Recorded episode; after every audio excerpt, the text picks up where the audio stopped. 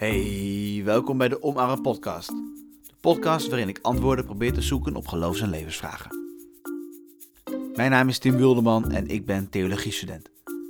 Dus in het dagelijks leven ben ik bezig met geloofs- en levensvragen. Maar ook op zoek naar hoop, troost en perspectief in onzekere situaties.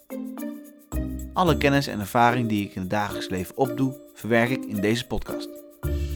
Op dit moment ben ik bezig met een serie over het Bijbelboek Rechters. Rechters zijn eigenlijk een soort van helden, maar allemaal met een rugzak of een randje, die het volk van God bevrijden. Ik probeer bij iedere rechter een fragment te pakken en dat uit te lichten ter inspiratie voor jouw leven. En deze keer behandel ik de rechter genaamd Ehud. En de titel van deze podcast is Een deeltje sluiten met God. Veel plezier met het luisteren naar de Omarre podcast.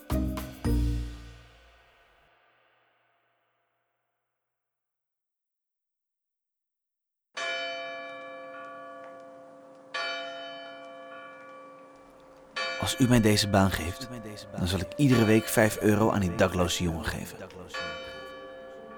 Als u mij helpt om dit tentamen te halen, dan weet ik zeker dat u God bent. O machtige Heer en Redder, als u mij een partner geeft, dan zal ik echt vol voor u gaan.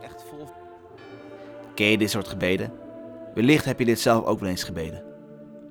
Dat als God iets voor jou doet, er dan een tegenprestatie tegenover staat. Als jij goed je best doet, dan moet God je wel zegenen. Ik herken het wel in mijn eigen leven. Dat ik dan mijn best doe om een goed christen te zijn, maar tegelijkertijd mezelf hoger verhef dan ik ben. Soms dan probeer ik zo mijn best te doen in de hoop om goedkeuring van God te krijgen. Maar is dat hoe het werkt? Moet ik iets doen om geliefd te zijn door God? Of moet ik echt iets doen om vergeving of genade te verdienen? Moet eerst liefdevol worden om daarna onvoorwaardelijk liefde te krijgen? Ik kan me goed voorstellen dat je met dit soort vragen rondloopt.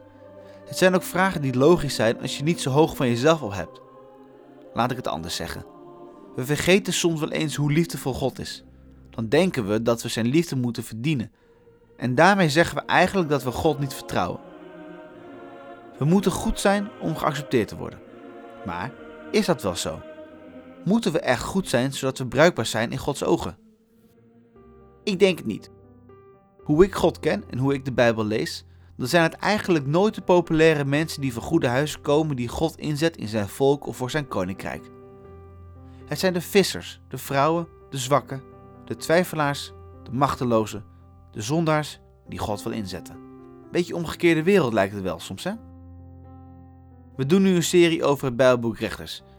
En we zijn nu bij een rechter aanbeland die zo'n persoon is.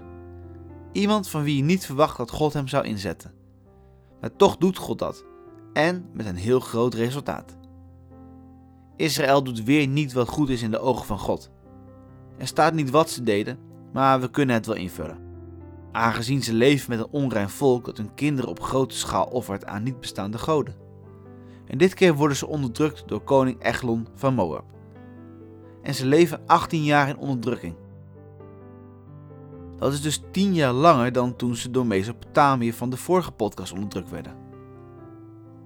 Israël wordt zwaar onderdrukt in de stad Jericho. De stad waar ze een aantal jaar daarvoor zonder echt strijd te leveren de stad hadden overgenomen. Ken je dat verhaal? Dat ze zes dagen achter elkaar om die stad heen moesten lopen en ze op de zevende dag zeven keer. Een wonderlijk verhaal. Inmiddels zijn ze die stad dus kwijt. Want ze worden dus onderdrukt. 18 jaar lang. Twee versen verder wordt er al hulp gezonden door God. Een man genaamd Ehud. Het verhaal is niet heel bekend en is ook maar een heel kort verhaal. Dus ik snap het als je dit verhaal niet kent. Is niet erg. Ehud komt uit de stam Benjamin, wat de kleinste stam van allemaal was. Hij was linkshandig, dus hij kon niets met zijn rechterhand. Terwijl juist mensen die rechtshandig waren aanzien hadden. Kijk maar naar wat staat in Jesaja 62 vers 8. De Heer zwoer bij zijn rechterhand. Of wat er staat in Psalm 16 vers 11. Daar zegt David, David van David en Goliath, Liefelijkheden zijn in uw rechterhand. En zo zijn er nog wel meer versen. Deze guy was dus linkshandig. In een andere vertaling staat dat Ehud een man met een gebrekkige rechterhand was. Dus het kan zomaar zijn dat hij verland was aan zijn rechterkant. of op een andere manier gehandicapt was. En zeker in die tijd werden gehandicapten niet behandeld zoals ze dat nu worden. Ik weet natuurlijk niet hoe er echt naar gekeken wordt, maar toen was het helemaal slecht. Het kan zijn dat Ehud meerdere malen gehoord heeft dat zijn handicap een straf van God was. Of dat hij ermee gepest werd, of wat dan ook. Misschien had hij geen baan, geen vrienden of een familie die hem serieus nam. We weten het niet, maar is het zo gek om dat te denken? Wel mocht hij namens de Israëlieten belasting afdragen aan de koning van Moab. Dit was dus niet omdat hij zo'n sterk leider was, anders hadden ze wel op een andere manier gevochten. Misschien mocht Ehud wel naar de koning omdat hij gehandicapt was. Want hij was per slot van rekening geen gevaar voor de koning. Wat de koning niet weet is dat Ehud een tweesnijdend zwaard liet maken. Die had hij aan zijn rechterheup hangen. Want dan kon hij die pakken met zijn linkerhand. Ehud zei tegen de koning dat hij een belangrijke boodschap had. En de koning stuurde iedereen weg, zodat hij de boodschap in zijn oor gefluisterd kon krijgen. Hij was namelijk niet bang voor een verlamde gehandicapte. Waarschijnlijk zou Ehud bij het fouilleren dat zwaard meegekregen hebben, aangezien niemand een zwaard droeg aan zijn rechterheup. Ken je zo'n brohuk die mensen elkaar nu geven? Of tenminste, voor corona. Dat ze met hun rechterhand een hand aan elkaar gaven met hun linkerhand omhelsten. Wat ze vroeger met hun linkerhand deden was controleren of er een zwaard of een mes aanwezig was. Wat er verder gebeurt zal je wel kunnen raden. En ik bespaar je de smerige details die beschreven worden over die vatsige en smerige koning van Moab. Laten we verder kijken naar dit verhaal. Ehud ging de strijd aan en won deze. Hoe het ook zij en wat je er ook van mag vinden. Ehud heeft gezegd dat God door hem heen werkte. God heeft het volk bevrijd. Maar was dit wel de manier? Een moord plegen door een smoes te bedenken om alleen met hem te zijn, is toch eigenlijk iets heel achterbaks. Maar ja, zijn wij dat niet allemaal? Kijken wij niet allemaal naar Marvel films en juichen we als de bad guy wordt neergeknald door de good guys? Ik wel. Ik ben ook een fan van die Marvel films. Dus hoe hypocriet is het als wij de Bijbelse personages veroordelen, maar wel soort films kijken of spelletjes spelen waarin een ander fictief karakter die door iemand anders bestuurd wordt, genadeloos neerknallen. Waar het om gaat in dit verhaal is dat God zijn volk bevrijdde. Hij gaf hen de overwinning na 18 jaar onderdrukking. Hij gaf het vrede voor 80 jaar. Dit door een onverwachte leider op een wel heel bijzondere manier. Wat we kunnen leren van dit verhaal is de manier waarop God daadwerkelijk redt. Want de verhalen in het Bijbelboek Rechters zijn gewoonweg barbaars. Te bizar voor woorden. En als je kijkt naar wat al die rechters hebben gedaan onder het mom van door God geleid, dan zou je haast kunnen denken dat God een verschrikkelijke God is. Maar wat het is, is dat God werkt op heel bijzondere manieren. Met mensen die zichzelf niet goed genoeg vinden en door mensen die door de gemeenschap en de algemene norm niet als goed genoeg beschouwd worden. De gepeste jongetjes en meisjes. De mensen die geen thuis hebben. De mensen die lelijk zijn, zwak, ziek en onmenselijk behandeld worden. De mensen die geen enkele vorm van schoonheid hebben, zijn in de ogen van God kostbaar en bruikbaar voor zijn koninkrijk. Om het goede nieuws van Jezus te vertellen aan de wereld. De mensen die strijd leveren in het Bijbelboek Rechters zijn de mensen die het volk verlossen door een vaak geweldige overwinning. Terwijl Jezus de strijd met het kwade heeft overwonnen door het tegenovergestelde te doen. Door iets onverwachts te doen. Iets wat zo onwaarschijnlijk is dat niemand zoiets zag aankomen. In plaats van te vechten en een strijd te voeren, verlost Jezus ons niet door een klinkende overwinning, maar door een zware nederlaag.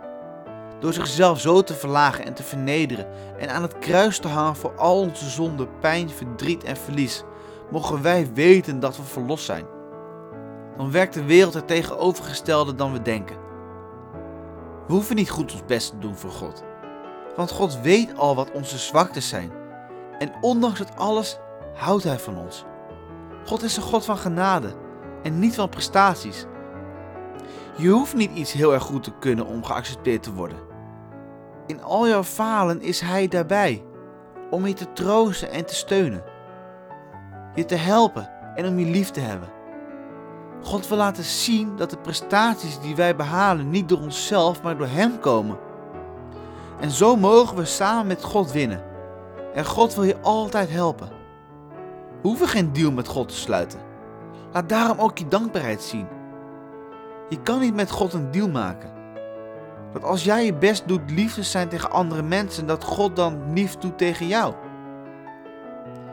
Je krijgt dat baantje niet op voorwaarde dat jij extra geld aan de collecte doet. En je krijgt geen vriendin van God door je prestaties. We hebben zo'n grote God toch niets te bieden, behalve ons hart. Want we leren dat het God is die ons redt en dat God ons wilt inzetten. Hij kiest voor de mensen die op de sociale ladder laag staan en kiest ons uit op de meest onverwachte momenten. Dus wanneer jij het minst verwacht, is Hij erbij om samen een overwinning te boeken. Sta jij open voor Gods toenadering? Durf jij klaar te staan voor onverwachte mensen en onverwachte gebeurtenissen in je leven? Kan jij je overgeven aan God zonder een deal te hoeven sluiten, zonder een tegenprestatie en genieten van God en genieten van Zijn verlossing? En kun je daar dankbaar voor zijn? Tot volgende week bij de Omarm Podcast.